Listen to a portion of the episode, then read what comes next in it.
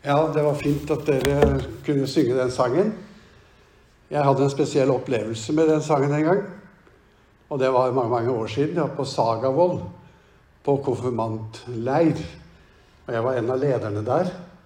Og et av opplegget var slik at vi skulle da ta og uh, la disse konfirmantdeltakerne uh, analysere en sang.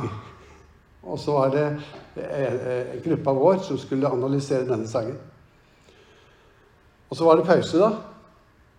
Og under pausen så var det slik at disse løp rundt omkring. Og på Sagavoll så var det sånne glassdører. Den ene gikk sånn, og den andre sto dødt.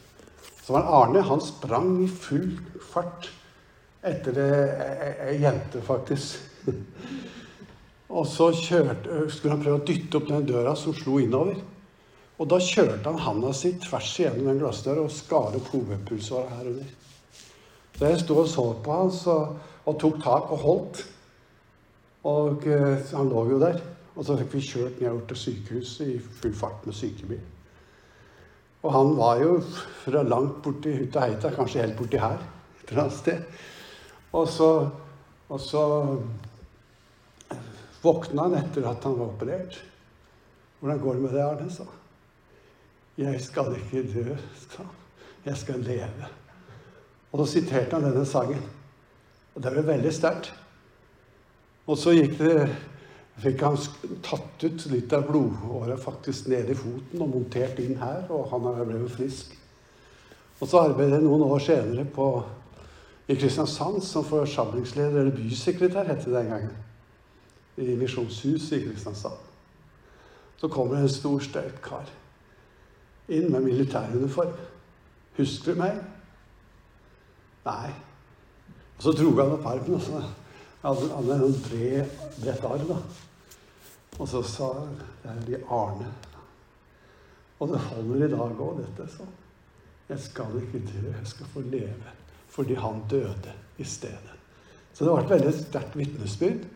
Og det ble også et sterkt vitnesbyrd for de andre på konfirmantleiren det året skal vi be sammen.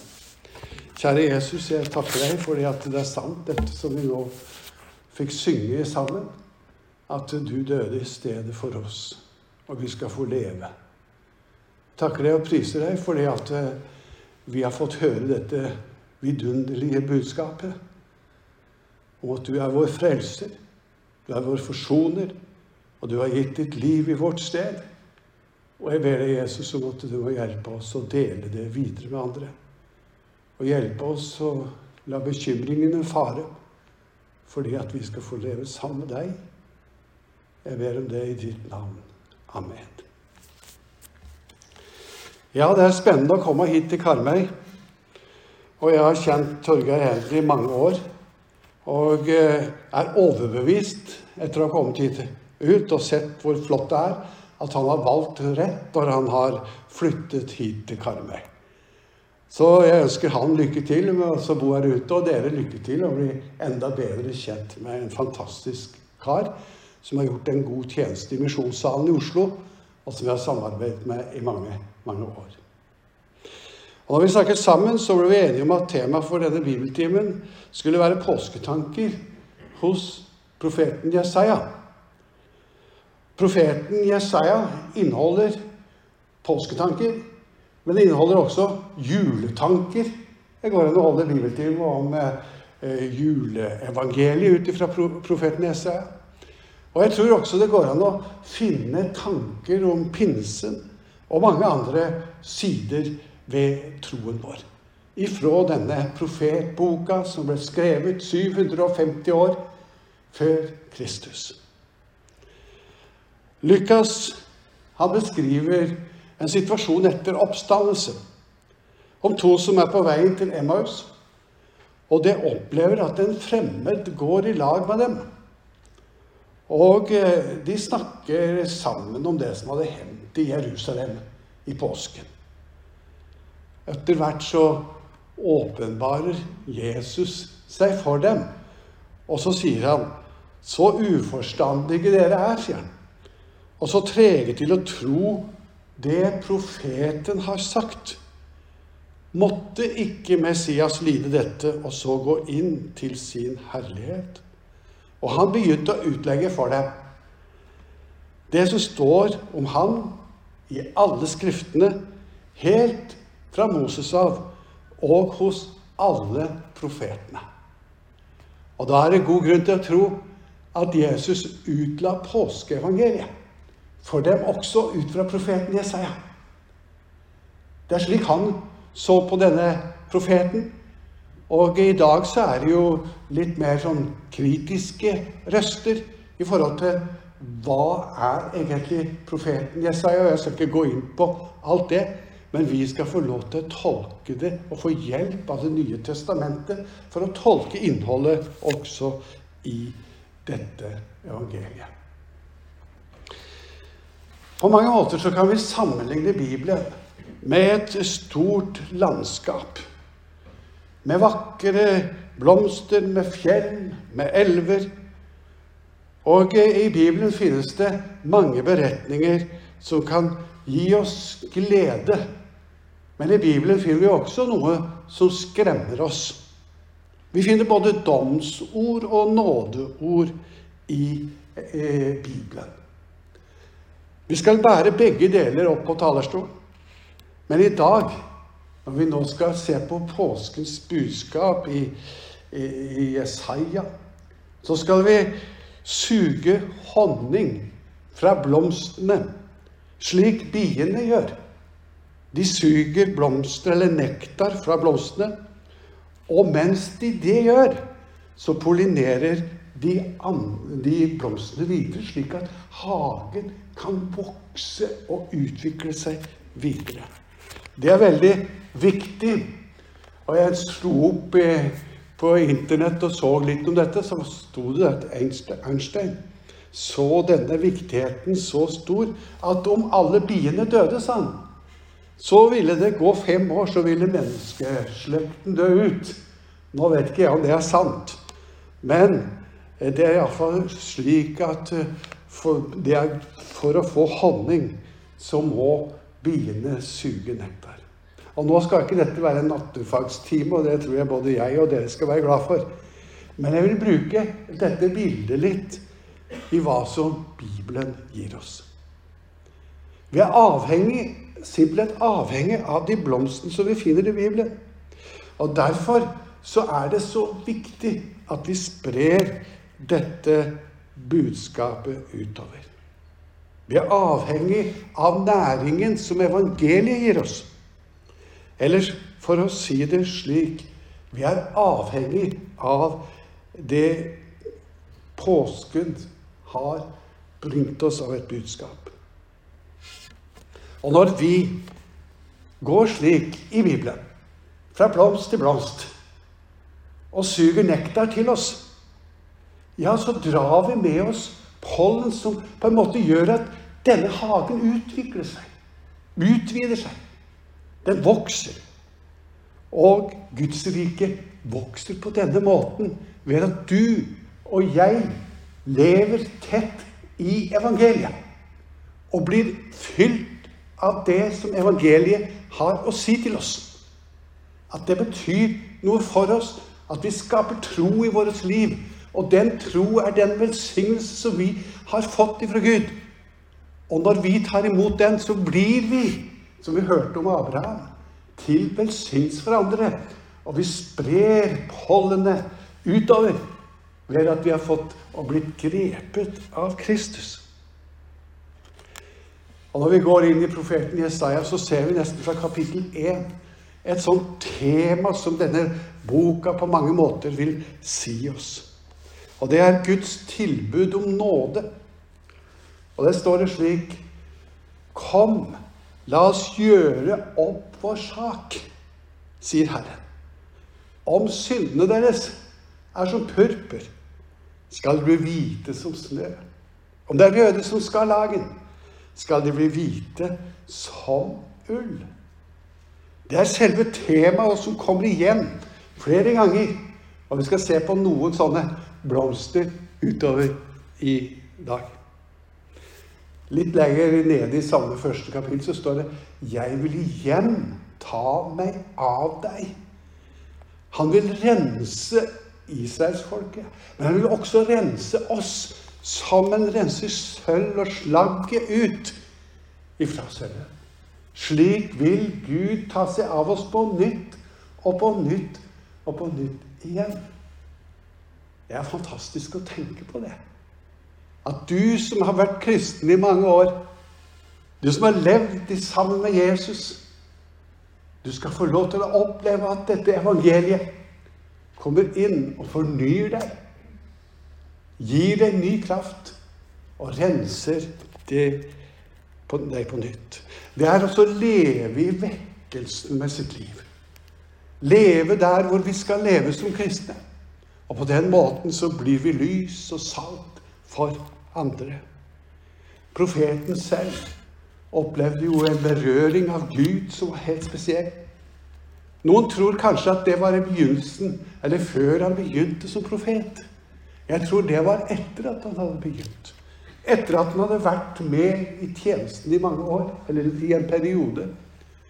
Og så står det i kapittel 6 For da, da i det mektige møtet med Gud, så ble han var at han hadde lepper som var urene. At han hadde et, et sinn og en tanke som kanskje ikke alltid stemte overens. Og da sier han får denne berøringen hos Gud og sier at 'jeg er fortapt'. Jeg er dødsens.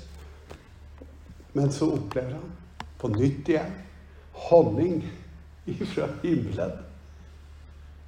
Han opplever at jeg rørte ved munnen min og sa Se, denne har rørt ved leppene dine. Din skyld er tatt bort. Det er en profet som får en fornyelse gjennom det budskapet som ligger gjemt i profeten Jesaja. Din synd, din skyld er tatt bort, og din synd er sonet. Tenk det. Og nettopp der fikk han oppleve en fornyelse av kallet. En fornyelse av kallet til å gå med evangeliet. Det er akkurat som han står der og ser seg fri gjennom det Jesus har gjort. Så er det akkurat som i samme moment, samme øyeblikk, så peker Gud ut og sier du må bringe dette evangeliet, denne honning, videre til andre, slik at de kan få erfare det samme som du har erfart. Slik er det med evangeliet. Det er slik at det gjør at vi gjerne skal få bringe det videre. Jeg håper at det også blir vårt, vårt ståsted, vår opplevelse. At når jeg får høre dette frigjørende budskap for mitt vedkommende, at jeg så gjerne vil bringe det videre til andre. At vi sier 'Her er jeg. Send meg, Herre'. At vi sier det innenfor Guds åsyn. Nå skal vi dra raskt videre, og så går vi inn i et avsnitt i siste delen av eh, profeten Jesaja. Og så skal vi gå inn i det som kalles for trøsteboken. Og trøsteboken begynner i kapittel 40. Det er jo Der kommer det fire sanger om Herrens tjener. Og vi skal se litt på noe av det som der står. Og eh, det begynner slik da i kapittel 40. Trøst, trøst, sier mitt folk. Sier, mitt folk, trøst, trøst, mitt folk, sier deres Gud. Tal til Jerusalems hjerte og rop til henne at hennes strid er fullført. At hun har fått og at hennes skyld er betalt og fått dobbelt fra Herrens hånd for alle sine synder.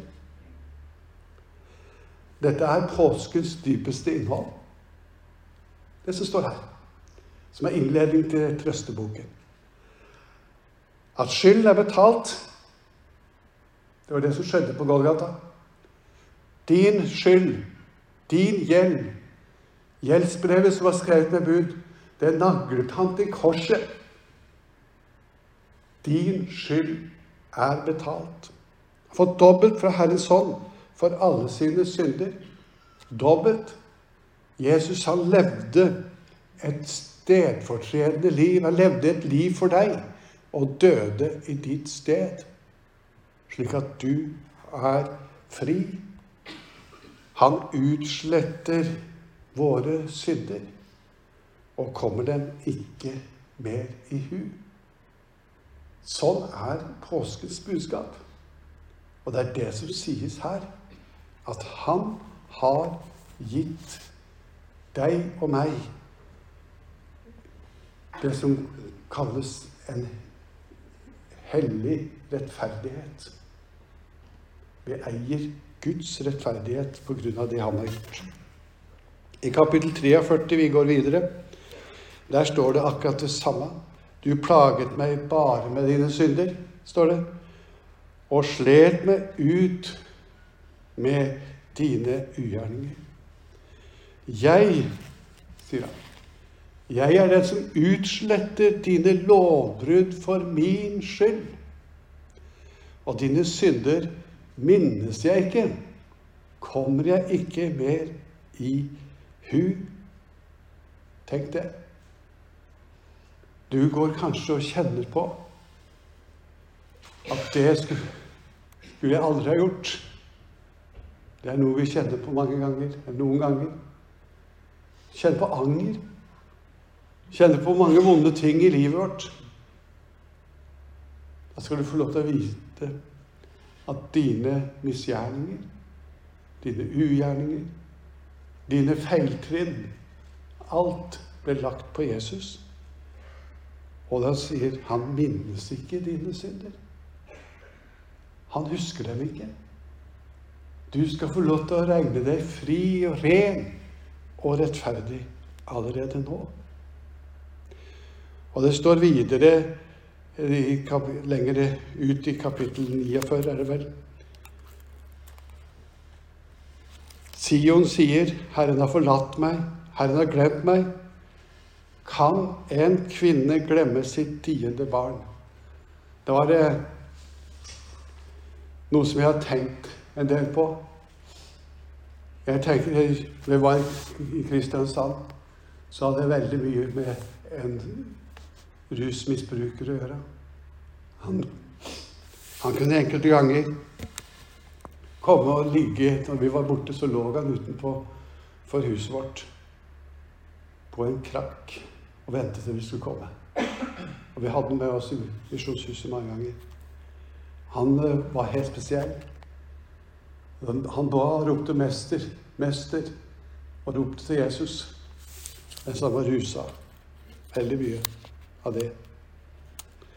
Men så var det det at uh, både søsknene og uh, sosialmyndighetene hadde sagt at jeg kan ikke Mor kan ikke oppsøke ham.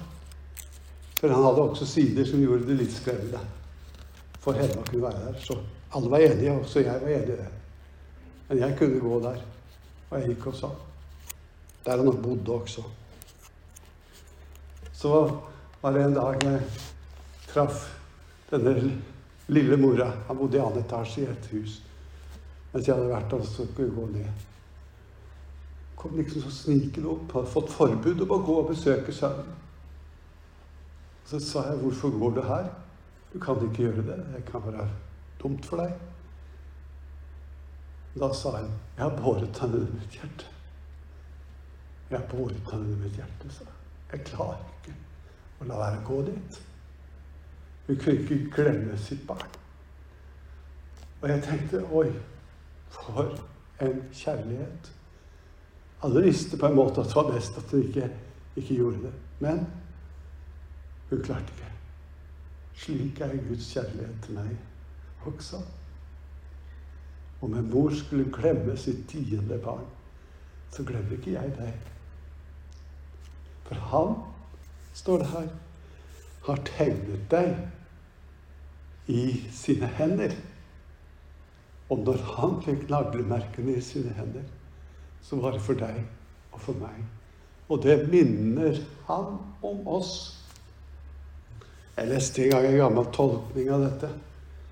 Og da var det sånn Hvorfor står det tegnet inn i hendene? Og da sa, sto det der, så jeg vet ikke om det stemmer heller, men jeg, jeg kan bare sitere det for å være en god tanke. Det står for at du skal stå rett for øynene. Tenk deg at du har skrevet et navn inni handa. Så står det på en måte, det er et bilde på at du står rett foran dine øyne, og du vil alltid se det. Slik er det med Gud og deg. Slik er det med Gud og meg. Han har tegnet deg i sine hender og vil aldri glemme deg. Dine murer er alltid foran deg. Dine utfordringer ligger alltid foran deg. Det er slik påskebudskapet utvikler seg hos profeten Jesaja. Og vi ser det klarere og klarere. Og til slutt så kommer vi til den siste, egentlig, sangen om Herrens tjener. Og det skal vi lese fra kapittel 53, som er så kjent. Hvem trodde det budskapet vi fikk? Hvem ble Herrens arm åpenbart for? Han skjøt opp som en spire for hans ansikt, som et rotskudd av tørr jord. Han hadde ingen herlig skikkelse vi kunne se på, ikke et utseende som vi kunne glede oss over. Han var foraktet av mennesker. En mann med smerte, kjent med sykdom, en de skjuler ansiktet for. Han var foraktet vi regnet ham ikke for noe. Sannelig våre sykdommer tok han. Våre smerter bar han. Vi tenkte han er rammet, slått av Gud og plaget. Men han er såret for våre lovbrudd. Knust for våre synder. Straffen lå på ham. Vi fikk fred ved hans sår ble vi helbredet. Vi gikk alle vill som sauer. Hver tok sin egen vei. Men skylden som vi alle hadde, lot Herren ramme ham. Han ble mishandlet, han ble plaget, og han åpnet ikke sin munn. Lik et lam som føres bort for å slaktes. Lik en sau som tier når det klippes. Og han åpnet ikke sin munn. Tolkningen av dette finner vi, og hvordan vi skal forstå dette, finner vi i Det nye testamentet. Og det er jo slik at Det nye testamentet skal kaste lys over det gamle. Det er et gammelt tolkningsprinsipp. Og vi ser det i Apostelens gjerninger, kapittel 8.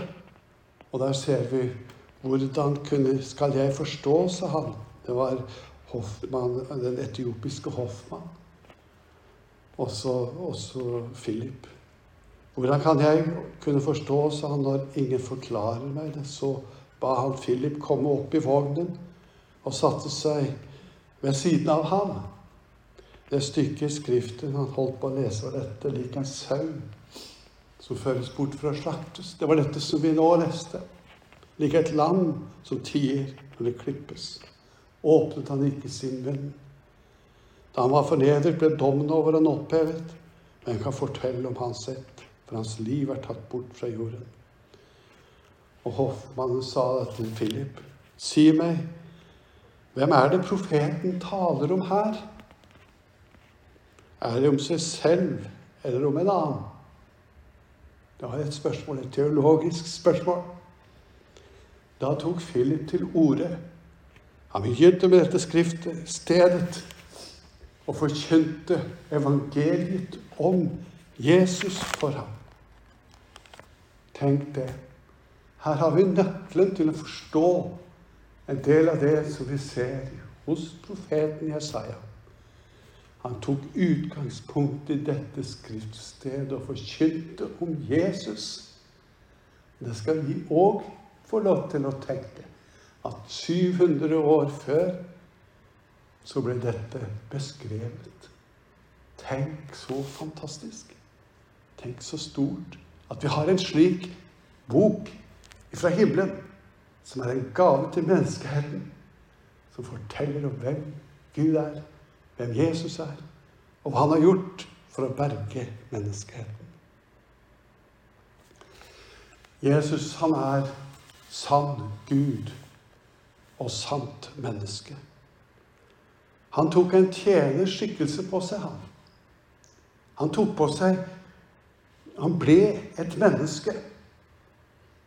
Ikledde seg et menneskelig legeme for å bli lydig til døden. Ja, døden på korset. Og Hvis du ser i evangeliene, så ser du at Jesus ofte brukte ord om seg selv. Han kalte seg selv for menneskesønnen. For menneskesønnen. Hvorfor kalte han seg for menneskesønn? Jo, han understreker for de som han talte til, at han er et menneske på samme måte som deg og meg. Han representerer deg og meg fullt ut. Og det er han som menneskesønnen som Johannes peker på og sier Se, se der, Guds lam, som bærer verdens synd. Han hadde fått se det fra Gamle Testamentet. Han hadde fått se det gjennom alle de offerhandlingene som var i den gamle pakt. Og så der, der er han det er snakk om. Og så sier Peter også, som et vitnesbyrd om det samme. Vårt påskeland er slaktet. Så er det dog ikke slik, da, at Gud liksom synes synd på deg og meg. At han liksom overser synden på denne måten. Nei, han, menneskesønnen, han smaker døden i vårt sted.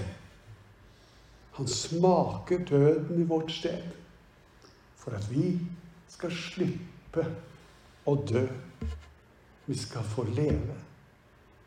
Jeg har en venn som har gitt sitt liv for at jeg skal få leve. Det finnes intet alternativ. Det hjelper, det nytter ikke å streve.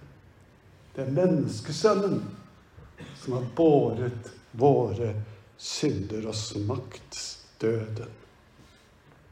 Jeg leste en gammel tale av en eh, Og han sa at hvis du får oss Jeg syns det var litt dramatisk, men det kan jeg jo si. Jesus han pintes. Og det tok tid før han døde. Og hva han opplevde da? Sa den der. Jo, han smakte døden. Han virkelig kjente dødens smerte. Og han så skrev at han bare hvis du får en kule i din panne, så smaker du egentlig ikke døden. Du bare dør. Men Jesus ble pint, skrev han. Han var ikke det at han bare døde, men han ble pint i vårt sted, slik at vi skulle gå fri. Han ble plaget, står det i profeten Jesaja. Han ble plaget på så mange vis. Alt dette for at du og jeg skal få lov til å leve. Og Vi ser også Paulus han understreker akkurat samme tanke. Og i Efeserbrevet 2 så sier han bl.a.: For Han er vår fred. Han gjorde de to til ett og red ned murer som skilte fiendskapet. Og der står det 'ved sin kropp' har han opphevet loven med dets bud og forskrifter. Slik stiftet han fred da han av de to skapte et nytt menneske. I én kropp forsonte han dem begge med Gud da han døde på korset, og slik drepte fiendskapet. Han kom og forkynte det gode budskap om fred, både for dere som er langt borte, og for dem som er nær. Gjennom Han har både dere og vi adgang til Far i én ånd. Her finnes det bare én vei til frelse. For jødene og for hedningene. Og det er Jesus Kristus. Gjennom ham så har vi adgang til Faderen. Og i Kolossenserbrevet 2 så står det noe som jeg ofte har sitert for meg sjøl. Gjeldsbrevet står det. Mot oss slettet han det som var skrevet med lovbud, tok han bort da han naglet det til korset. Det er fantastisk. Da han naglet det til korset. Han kledde makten og åndskreftene nakne. Ser du det for deg? Det er bilder som vi nesten ikke fatter i dag. Han klær motstanderen fullstendig naken og stiller dem fram til spott og spe. Da han viste seg som seiersherre over dem på korset. Han viser seg som seierherre. Så der på korset så seiret Jesus over makter, over myndigheter og over alt det vonde. Der vant han en endelig seier for oss. Det er stort å tenke på. Den seieren er reell, og du skal få lov til å rette ditt blikk imot den. Og jeg kan også ta med et annet fra øh, Nye Testamentet. Rombrevet 5, 18 har jeg notert det her. Der står det om at Jesus han er menneskesønn, eller den, andre Adam. Den første Adam falt til synd. Men den andre Adam, som er menneskeslektens representant, Jesus, han sto. Da skal vi lese fra vers 18. Altså som ett menneskes fall ble til fordømmelse for alle mennesker. Slik fører ett menneskes rettferdige gjerning til frifinnelse og liv for alle. Slik det ene menneskets ulydighet gjorde de mange til syndere, skal nå den enes lydighet gjøre de mange rettferdige. Loven kom til for at fallet skulle bli stort, men der synden ble stor, er loven enda større. Det er akkurat som det er kappløp. Der hvor synden er stor, så er nåden enda større. Slik er det for oss. Vi skal få tenke at nåden er størst.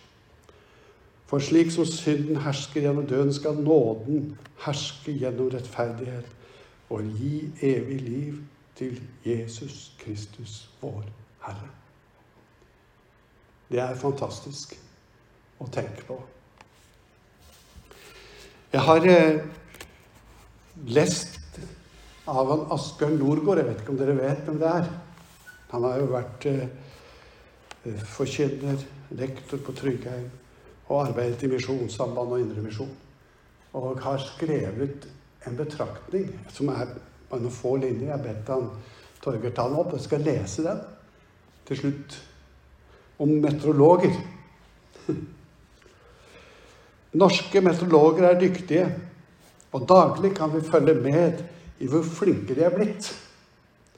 De nøyer seg ikke med lenger med bare det første døgnet, men nå kan det komme sju dagers varsler. Og rett som det er, får de rett. Bortimot rett, skriver han. Og det er imponerende. Men dette er ingenting, skriver Asbjørn, mot Bibelen. Jesaja gir oss jo et 700 års varsel om hva som skal skje med Jesus. I Det nye testamentet kan vi lese at varselet stemmer. Det som er skrevet 700 år før, det stemmer. Og da skriver han, og det syns jeg er så, så viktig Dette lar seg rett og slett ikke forklare uten Gud. Å lese profeten Jesaja parallelt med evangeliens framstillinger av Jesu lidelseshistorie er totalt overbevisende for meg. Jeg finner ingen annen forklaring, skriver han, enn at det er Gud som står bak både Bibelen og profetene. Det tror jeg han har rett i. Så leser vi dette her, og så ser vi på oppfyllelsen. Og ser vi det passer så fint sammen. Så det er stort å få lov til å ha Bibelen, ha Guds ord, som åpenbarer Gud og åpenbarer frelsen for oss på denne måten. Og for å se dette så er vi avhengig av Bibelen. Og det er derfor vi driver med det arbeidet som Bibelmisjonens Sporos er. Amen.